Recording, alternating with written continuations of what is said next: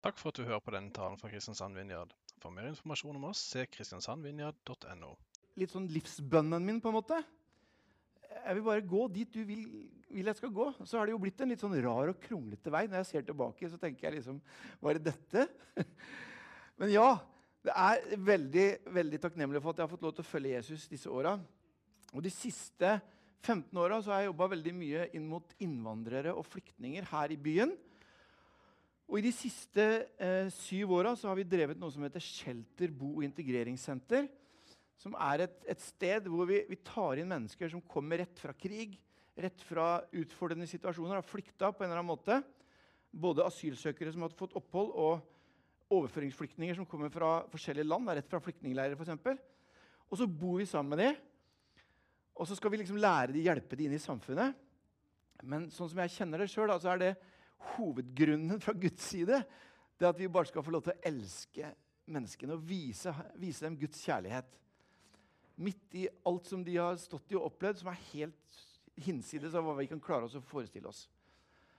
Så det å oppleve at, at noen liksom tøffe, beinharde menn som har blitt torturert, og som på en måte er tomme i blikket når de kommer, begynner å tine opp, og du ser etter hvert så kjenner du liksom at de begynner å legge, legge, legge hodet sitt inn på skuldra di og begynne å gråte på skuldra di, da merker du at Gud er på gang. Han, han, gjør noe med mennesker. Men han gjør også noe med meg. Og det å få lov til å, å liksom oppleve at Gud øser ut sin kjærlighet gjennom, gjennom, mitt liv på andre mennesker som har en helt annen tro, f.eks.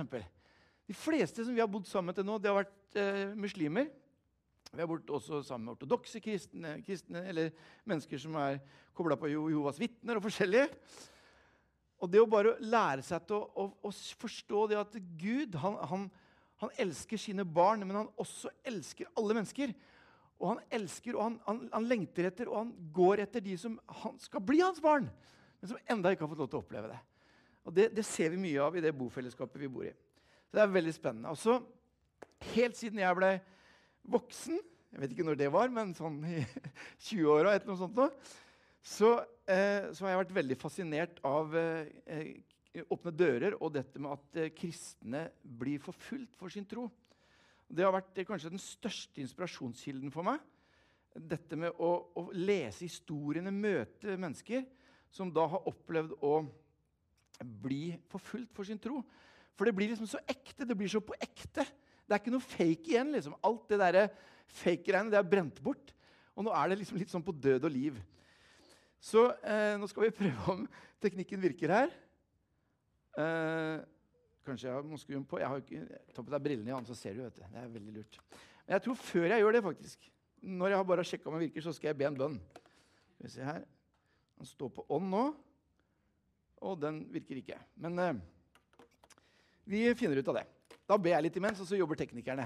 Takk, far, for at jeg får lov til å komme her i dag og være sammen med denne gjengen. Takk, far, at uh, du elsker oss, Herre. Så høyt at du sendte din sønn, Herre, for å dø for oss, Herre. Jeg priser deg, Jesus, for at vi kan bare sitte her og kjenne at vi er ikke bare en liten flokk i Kristiansand Vinjard, men vi er en svær kirke. Vi er hundrevis av millioner, Herre, som samles denne søndagen over hele kloden for å tilbe deg, for å ære deg, du som er vårt liv. Så vi priser og takker deg, Jesus, og ber Herre at de ordene som, og det som jeg skal dele, og det som vi skal dele sammen, at det skal være noe som, som drar oss nær til deg, Herre. Og som lar oss få se litt mer av hvem du er, og hva, hva ditt hjerte er, Herre. Amen. Amen. Vi prøver igjen å trykke. Å, der kom den! Fantastisk! Jeg syns vi fortjener en applaus altså, for teknikeren her. Helt nydelig. Eh, hva er oppdraget til Åpne dører? Det er å oppmuntre og trøste forfulgte kristne som lever i veldig vanskelige situasjoner. Det er å støtte og hjelpe kristne eh, eh som blir forfulgt, som fysisk og praktisk, med å gi dem tilfluktssteder hvor de kan flykte. Ved å gi dem mat, ved å gi dem bibler, ved å gi dem klær, ved å gi dem det de trenger sånn fysisk. Det er å dele historiene de sine som er dyrekjøpte historier, med oss her i, i, Vesten, i den frie kirke, som vi kaller det. Og det er å be og gi og rope ut for de som deler vår tro, men ikke vår frihet. Og så er det sånn at Åpne dører sammen med Stefanusalliansen vi arrangerer noe i flere byer i Norge hvert år som heter fakkeltog. Det skal jeg komme litt tilbake til. Men det at f.eks. det er i løpet av fire uker nå i en region i, i India, i Manipur, øst, helt øst i India, så er det over 10 000 kristne som har måttet flykte fra sitt hjem. 1000 kristne hjem er brent ned. 400 kirker er brent ned eller rasert. Har vi hørt om det i mediene? Nei. Det har vi ikke. Men Gud ser dem. Og han ønsker at vi som en kristen kirke skal vite om det og se dem og være med og støtte i bønn. Men derfor må vi også stå opp noen ganger og løfte noen fakler og løfte noen bannere for at også de som ikke vanligvis går i kirkene våre, skal bli klar over dette her. Eh, broder Andreas han har dere sikkert hørt om. Det var han som egentlig grunnla da Åpne dører. Han døde i fjor. Så jeg fikk aldri æren av å møte han, men jeg har hørt mye om han og lest bøker av han. Broder Andreas han eh, dro inn i eh, Polen, eh, som da var en del av Sovjetunionen, i 19, 1955. Eh, han dro egentlig på en kommunistisk ungdomskonferanse. Gud hadde kalt han til å dra dit. Og Så besøker han en kirke og så ser han at de har én eneste bibel i den kirka. Og Så tenker broder Andreas her er det noe feil. Hjemme i, min, i mitt hus har vi flere bibler. Og her har de én bibel. Så han begynner da å dra inn i de gamle sovjetlandene med bibler. Han pakker kofferter fulle, han stapper biblene inni den lille folkevognbobla si. I bagasjerom, i panseret, eller altså der hvor motoren lå baki, og under panseret foran. Overalt er det stappfullt av bibler. Og Så drar han mot grensa i Jugoslavia, det første landet han dro til. og så, så sier Han når han kommer på grensa, han ser grensevaktene står der med våpen, så sier broder Andreas Jesus, da du gikk her på jorda, så gjorde du blinde øyne seende. Nå ber jeg Herre at du gjør, blinde, at du gjør seende øyne blinde, men du må gjøre det nå! Hvis ikke så har jeg trøbbel. Og i alle de 20-30 åra som han dro inn, eh, i, både i østblokklandene, men også i andre land etter hvert, så ble det aldri oppdaga en eneste bibel. De åpna koffertene som var stappfulle med bibler, men så det ikke. Og Det sier noe om viktigheten av Guds ord, og hvordan Gud ser på sitt ord. For dette her er ikke bare liksom ei bok eller 66 bøker, men det er faktisk liv og mat for oss som tror. Så eh, i 1983, da var jeg bare 13 år gammel, så ble eh, Åpne dører grunnlagt i Norge. Og eh, i eh, 2022, altså i fjor, så hadde vi 1500 ansatte i 70 land. Det vil vi har egentlig kontorer i 30 land, men vi arbeider i 70 land. Og sånn som vi gjør det ofte når vi arbeider, er at vi jobber sammen med lokale kirker. Som f.eks. når det var jordskjelv nå i Syria og Tyrkia, så hadde vi eh, 120 som vi kaller håpsentre i Syria, bl.a. i de regionene da i Aleppo og sånn, som ble mest eh, ramma. Og det er kirke, lokale kirker som vi bare kunne øse inn av midler, og så kunne de dele ut. Og da deler de ut til alle. Til kristne, til muslimer, til alle som trenger det. Hvert år så gir eh, Åpne dører, eller Open Doors International ut noe som kalles World Watch List. Og Det er en oversikt etter, etter nøye på en måte masse forskjellige kriterier og granskinger. Så finner de ut hvilke land er det mest forfølgelse i verden. Og Nord-Korea som nummer én i år igjen, som ligger helt til høyre der, som dere ser, det har ligget eh, på toppen nesten i alle år, bortsett fra i fjor, for da tok Taliban over i Afghanistan. Og da var det akkurat Afghanistan som lå på topp akkurat i fjor. Men så ser vi det at Hvis du ser helt til venstre, så sier du at det er en gul prikk hvor det står 'høy grad av forfølgelse'. Og så står det oransje, svært høy, og så ekstremt, det er rødt. For da Åpne dører ble grunnlagt i, 20, nei, i 1983, så var det veldig mange gule land. Og, og, og oransje og nesten ingen rød.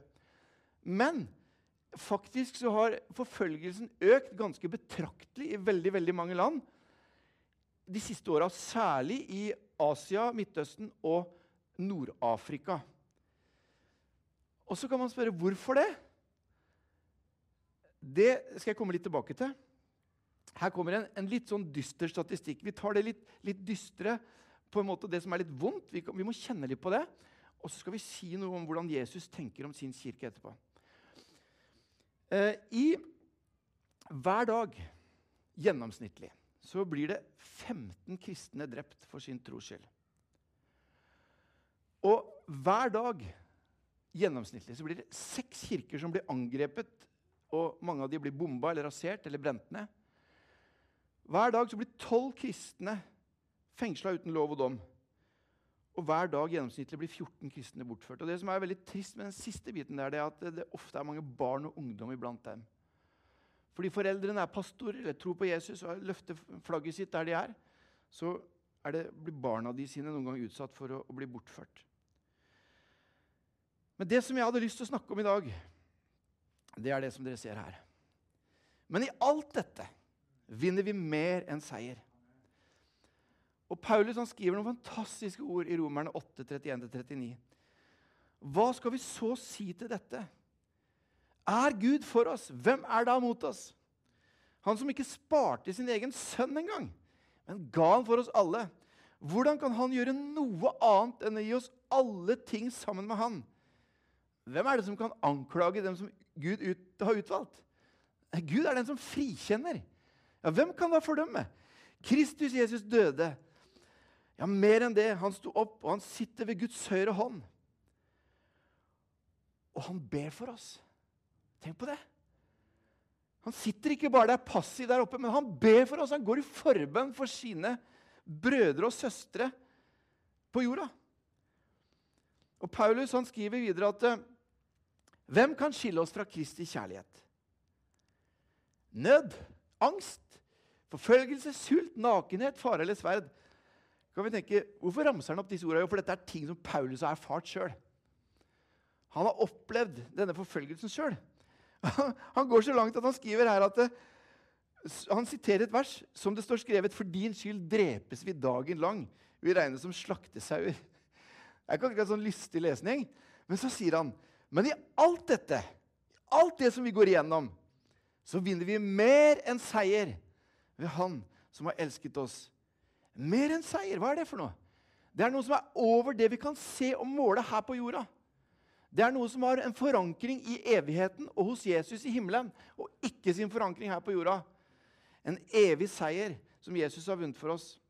For jeg er viss på, sier Paulus, at verken død eller liv, verken engler eller krefter, verken det som nå er eller det som kommer, eller noen makt, verken det som er i det høye eller i det dype, eller noen annen skapning, uansett hva de gjør med oss, det var det jeg, jeg sa, skal kunne skille oss fra Guds kjærlighet i Kristus, Jesus, vår Herre. Altså Fordi Kristus har kjøpt oss fri, så er det ingenting av det vi opplever på jorda, som kan skille oss fra den kjærligheten. Det er bare om vi sjøl velger å gå bort fra han. Han holder alltid fast. Det står om, om vi er troløse, så er han trofast. For det. For han kan ikke fornekte seg selv og det han har gjort for oss.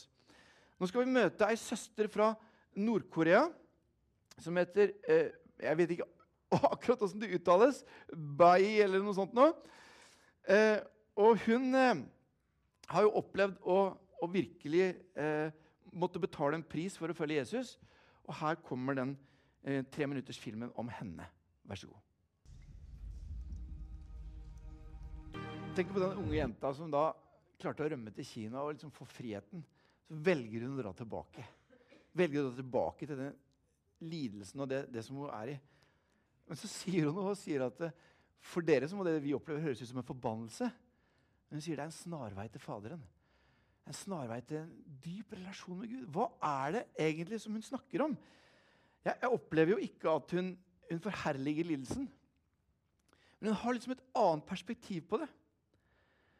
Hun snakker kanskje om noe av det som, er, som Paulus snakker om, at det er noe mer enn seier. Og det finnes noen skatter som er skjult i mørket. Jeg tenker at når, når kjødet vårt må lide noen ganger, så blir kanskje ånden oppbygget hvis vi holder oss nær til Han. Det er noen skatter som er skjult i mørket. Eh, jeg ser tilbake på mitt eget liv, så har det vært mange ting som har vært krevende, syns jeg. Det har vært mange utfordrende år. I 2020 og 2021 så var jeg deprimert i to år. Jeg kunne ikke føle glede i det hele tatt. Det hadde ikke noe med korona å gjøre, det hadde med helt andre ting å gjøre. Det var egentlig en årsak til det. Men jeg bare, var, jeg bare måtte være sammen med Jesus. Jeg bare måtte synge lovsanger på tross av. Ikke fordi jeg følte at det var så godt, men fordi jeg, jeg måtte bare gjøre det. Det var liksom for å overleve.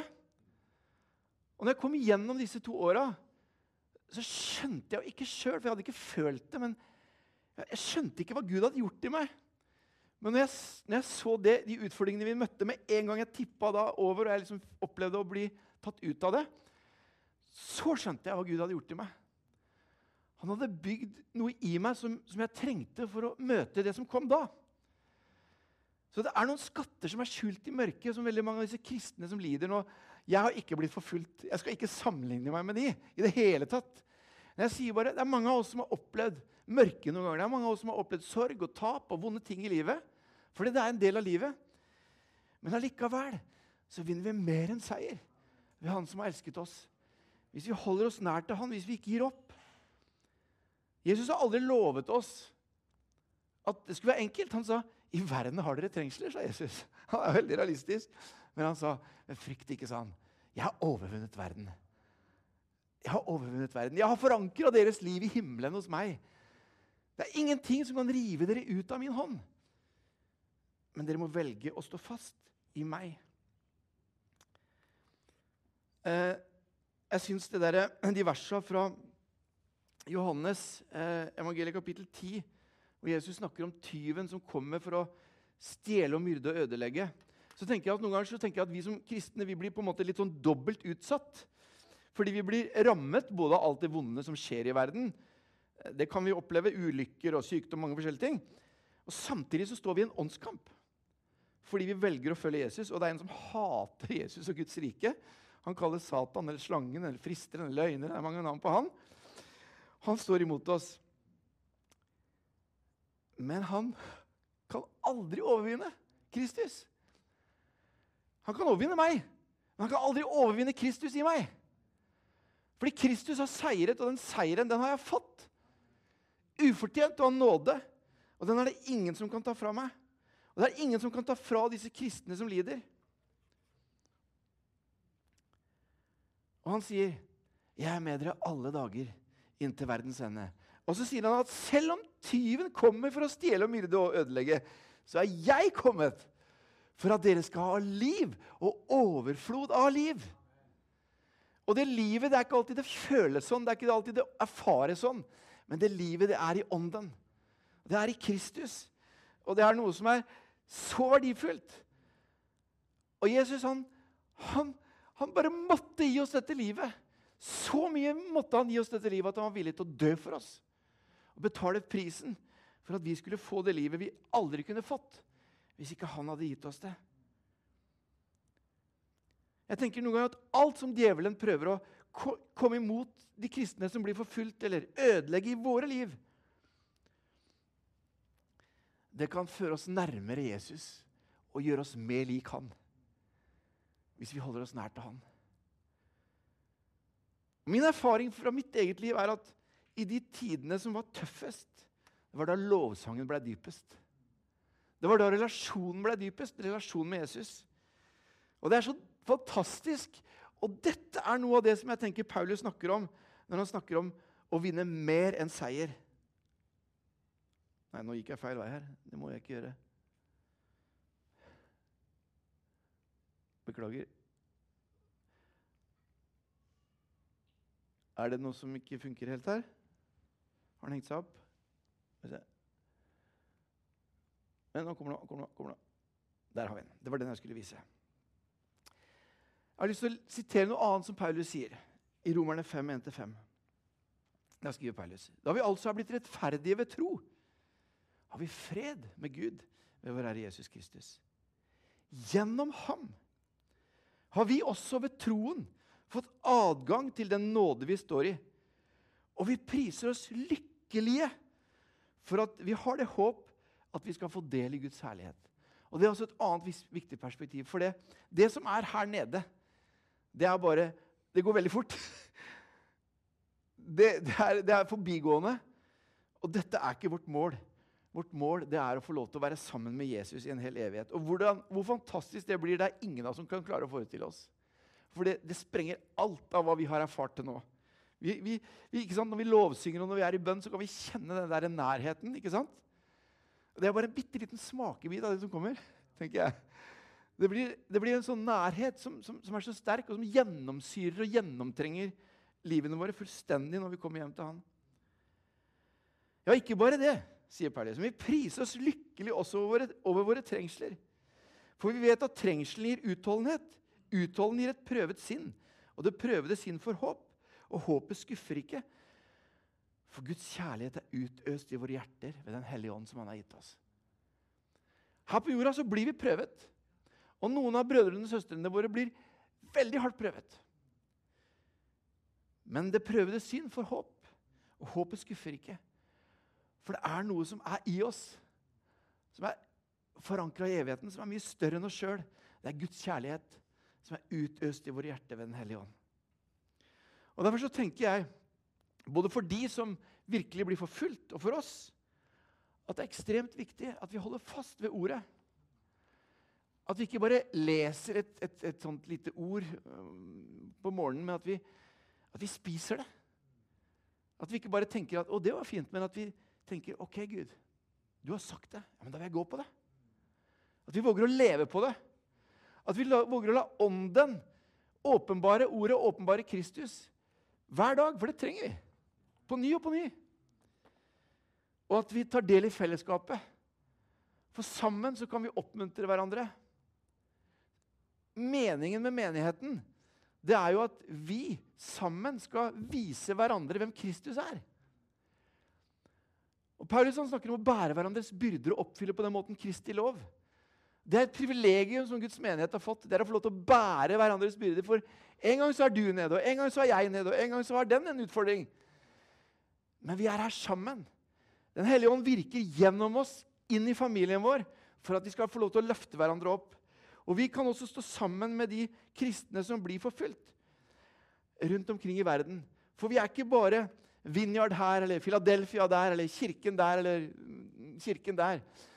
Vi er en vanvittig svær familie etter hvert, som bare vokser og vokser og vokser for hver dag. Fordi Guds rike det går fram på tross av forfølgelse. På tross av alt som djevelen prøver å stjele og myrde og ødelegge, så skaper Jesus liv.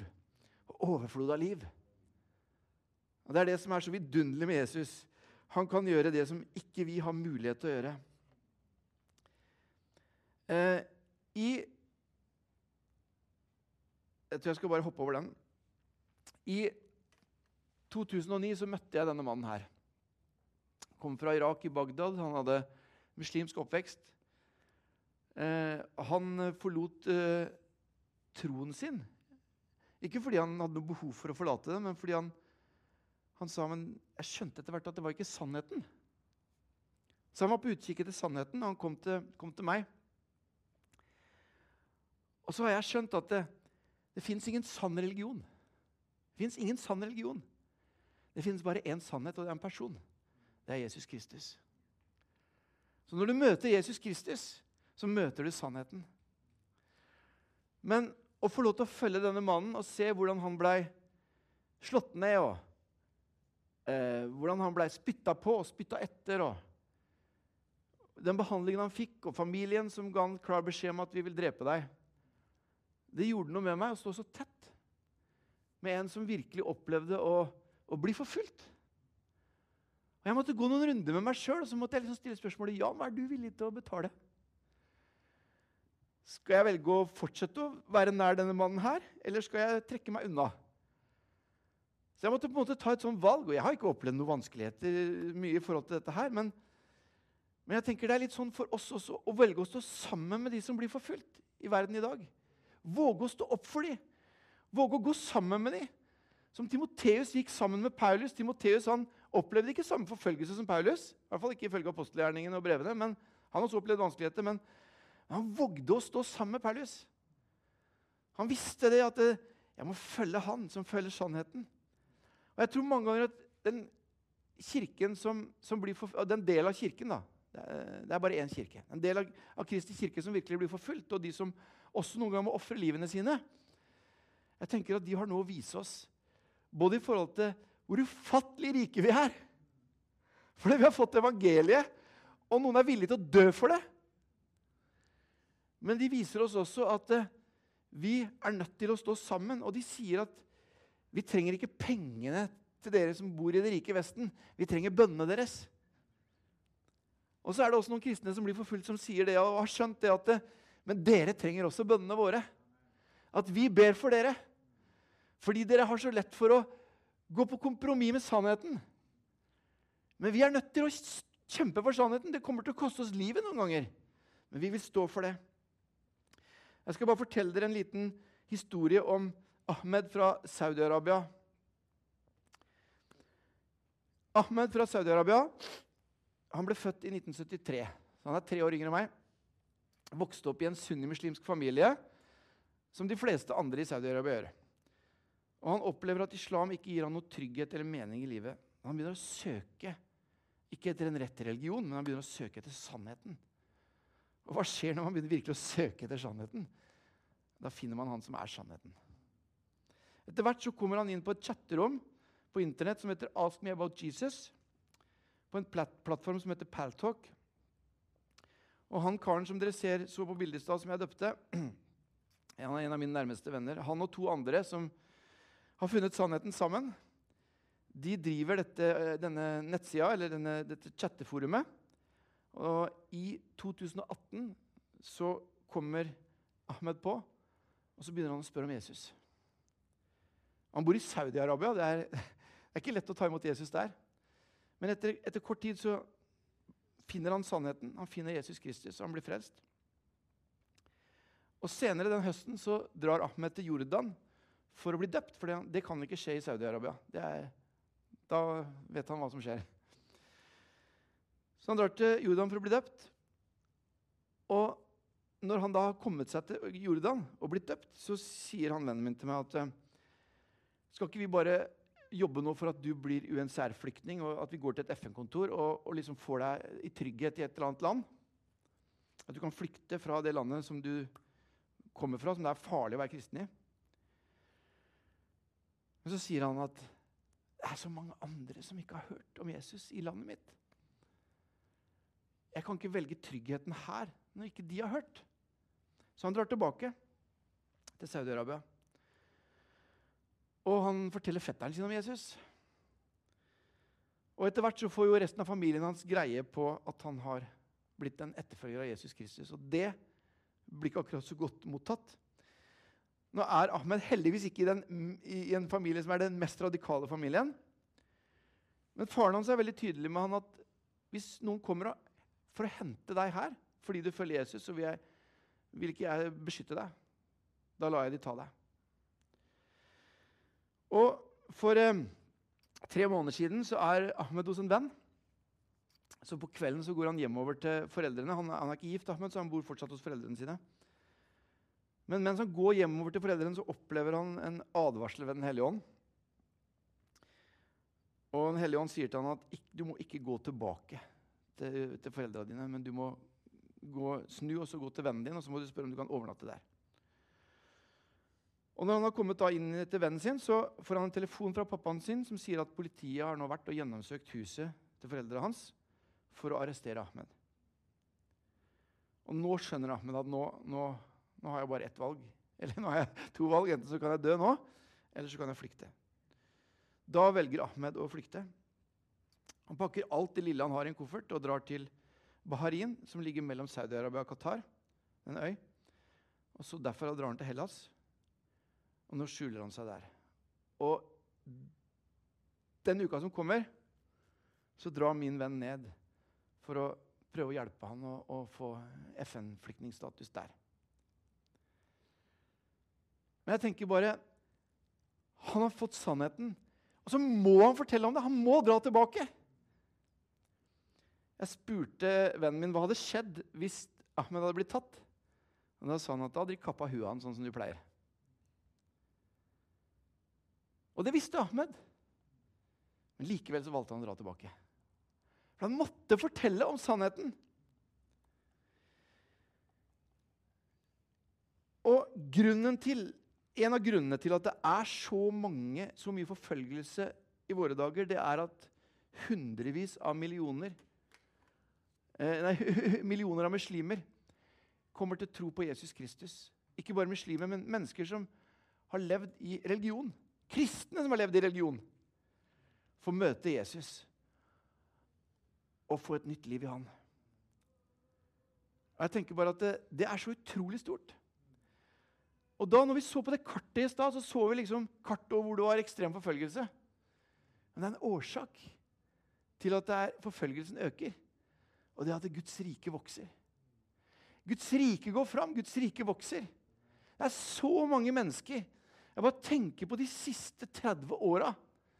Hvor mange muslimer, hvor mange fra, fra, fra, fra, religion, fra kristen religion, fra all mulig religion, som har fått lov til å møte den levende og oppstandende Jesus Kristus i drømmer og syner gjennom andre av våre brødre og søstre. Og et fantastisk vitnesbyrd for de som forfølger. Det er når de kristne som blir forfulgt, står opp og sier, 'Vi tilgir dere'. Det har skjedd spesielt i Egypt. har vi sett, eh, husker For eh, kanskje tre år siden så var det ei, ei dame som ble enke fordi mannen ble drept av eh, ekstremister. Og Et par måneder etterpå så står hun fram på egyptisk og fikk komme på egyptisk nasjonal TV. Og så sier hun 'Jeg tilgir dere som drepte mannen min.' 'Jeg vil bare at dere skal få lov til å møte den samme som mannen min døde for.' Hans navn er Jesus.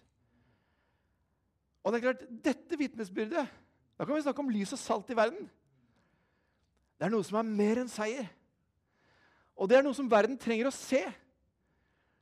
At den troa vi har, den er faktisk, den er faktisk verd å gi alt for.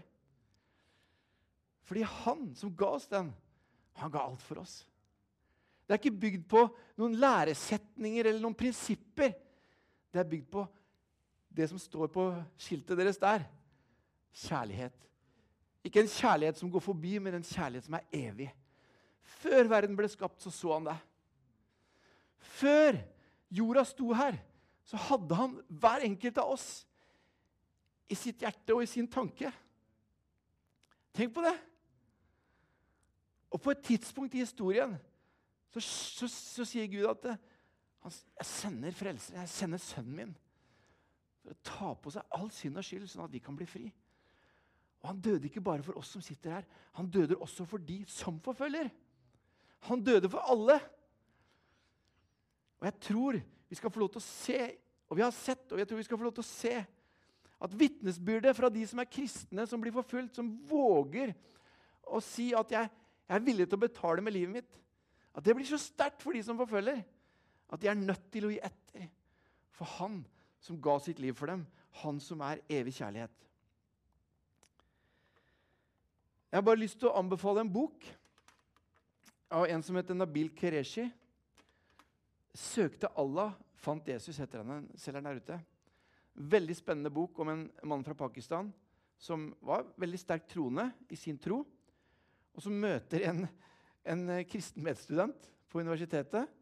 Og så begynner de å ha sånne avanserte trossamtaler. Diskutere tro og teologi. Og den Boka er veldig interessant fordi den forteller både mye om sann kristentro, og den forteller også mye om islam.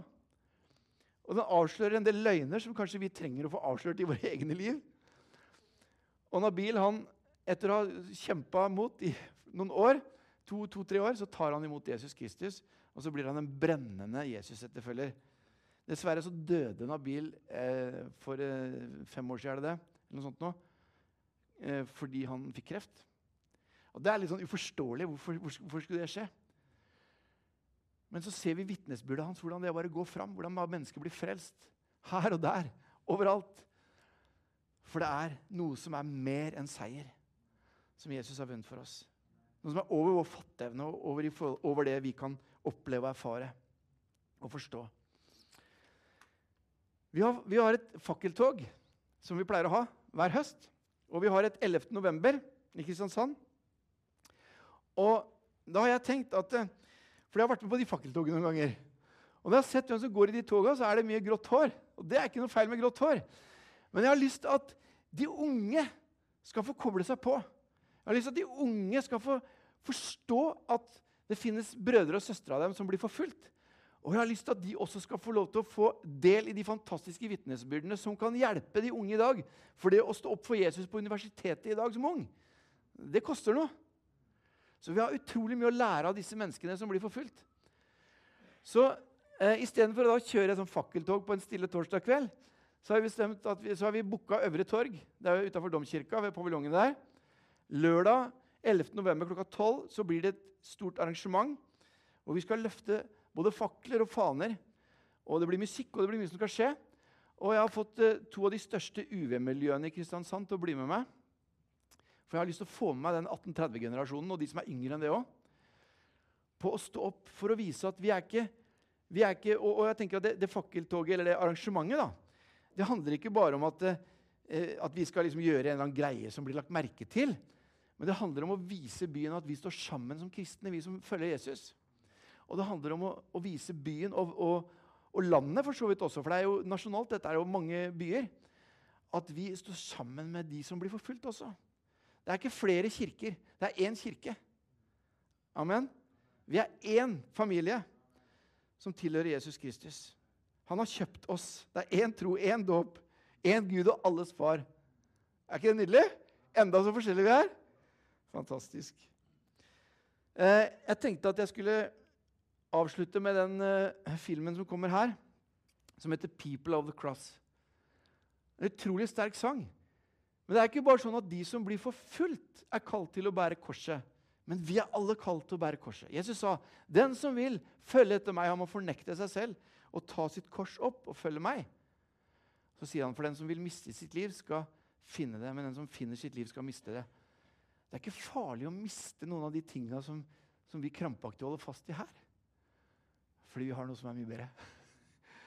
Vi har noe som er mye større, som er evig. Det er Jesus Kristus, som vi skal leve resten av evigheten sammen med. Nå får dere sangen og filmen eh, Hva skal jeg si for noe? 'People of the Cross'. Ordet om korset er en dårskap for den som går fortapt, står det. Men for oss som tror, så er det Guds kraft til frelse. Det er Guds kraft til frelse for hver den som tror. Jeg tror det kommer til å bli tøffere tider i Norge. Vi har sett Det har skjedd veldig mye bare på de siste fem åra. Jeg tror det kommer til å kanskje bli en annen form. Kanskje ikke sånn rå og brutal forfølgelse, men det kommer til å bli forfølgelse her òg. Jeg er helt sikker på det. Men vi trenger ikke å fokusere på det. Vi skal fokusere på Han. Han som ga sitt liv for oss. Hold blikket festet på Han. Og så lenge vi bærer korset, så er det ingenting som kan skille oss fra Guds kjærlighet i Kristus Jesus, vår Herre. For vi har vunnet mer enn seier ved Han som har elsket oss. Herre, vi takker og priser deg. Takk, Jesus, at du, du som kom fra din herlighet, Herre, ned til dette skitne, syndige stedet, Herre. Du kom bare for å ha kjærlighet fordi du elsker oss så vanvittig høyt, Herre for å sette oss fri. Jeg har lyst til å bare takke deg for våre brødre og søstre, for de som vi så på filmen her, disse som ga sitt liv for deg de siste åra, Herre. Jeg takker deg for at du, de er hos deg, Herre. Og de er der for å ta imot oss når vi kommer, Herre. Fordi de har fått oppleve og fått ta del i den evige kjærligheten, Herre. Som vi smaker litt av her nede. Jeg lover deg, Herre, jeg takker deg. Jeg takker deg for denne menigheten. Jeg takker deg for lederskapet her. Jeg takker for alle som tjener i denne menigheten. Jeg takker deg for at du velsigner hver enkelt. Herre. Jeg takker deg for at du oppmuntrer dem, Herre. Til å stå fast og løfte, løfte korset, Herre. Til å stå fast her i den tida som, som kommer, Herre. Takker deg for at du ser ikke bare menigheten som, som en stor haug med mennesker. Du ser den enkelte av oss, Herre. Du kjenner hver enkelt av oss, Herre. Du vet hva vi sliter med. Du ser hvor det er mørkt, Herre. Du ser hva som, kampene våre, Herre. Og du har sagt at jeg, jeg lar dere aldri bli igjen som foreldreløse barn. Jeg er med dere alle dager inn til verdens ende. Jeg priser deg, Jesus, for at uh, i dag også er dagen hvor vi, Herre, kan få lov til å søke vår tilflukt til deg. Vi kan få lov til å hente kraft, Herre, fra deg. Vi kan få lov til å, når det er mørkt, få lov til å fylle oss med deg som er verdens lys. Det sanne lys skinner i mørket. Takk, Jesus. Takk, Jesus. Så takker jeg deg, Herre, for at uh, vi er svake i oss sjøl, vi er små i oss sjøl. Vi får det ikke til. Vi, vi er feige noen ganger, Herre. Men du som bor i oss, Herre, du er sterkere enn han som er i verden, Herre. Jeg lover deg, Jesus. Jeg takker deg, Herre.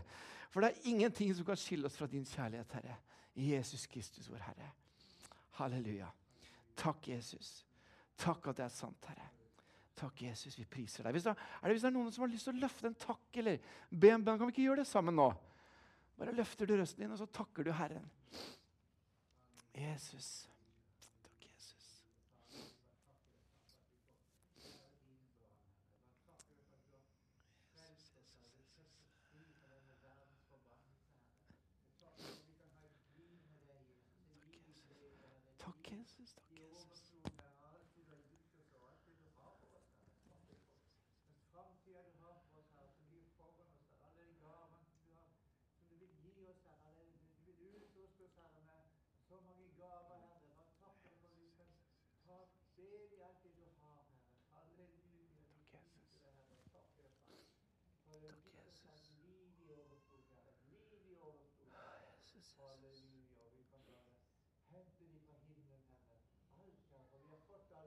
Amen, amen. Takk, Jesus. Takk, Jesus.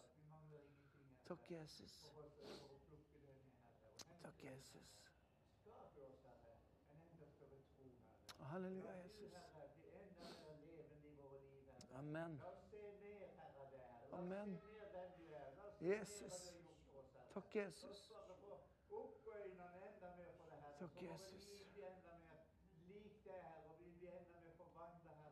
Jesus, Jesus.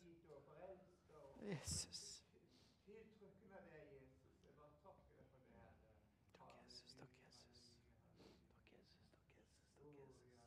Halleluja, Jesus.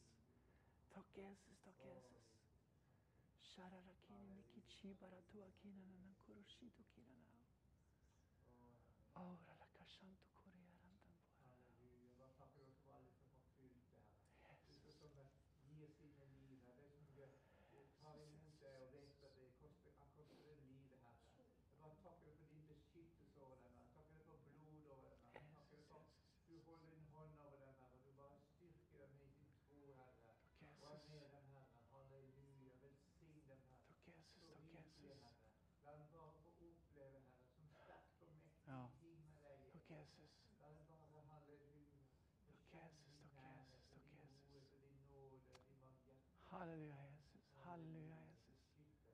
Lover deg, Herre. Priser deg, Herre. Takker deg, Herre. Takk, Jesus. Takk, Jesus. Takk, Jesus. Mm.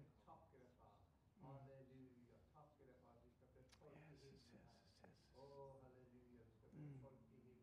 Takk, Jesus. Takk, Jesus. Takk, Jesus. Mm. Takk, Herre. Takk, Herre. Takk, Herre. Takk, Herre.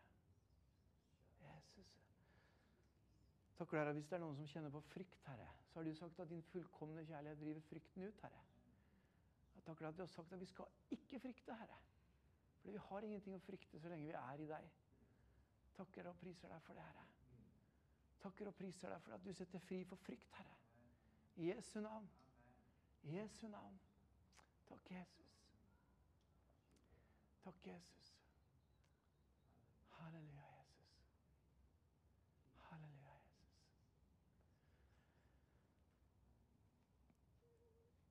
Torbjørn sa at vi kunne be litt sammen. Be for hverandre og med hverandre.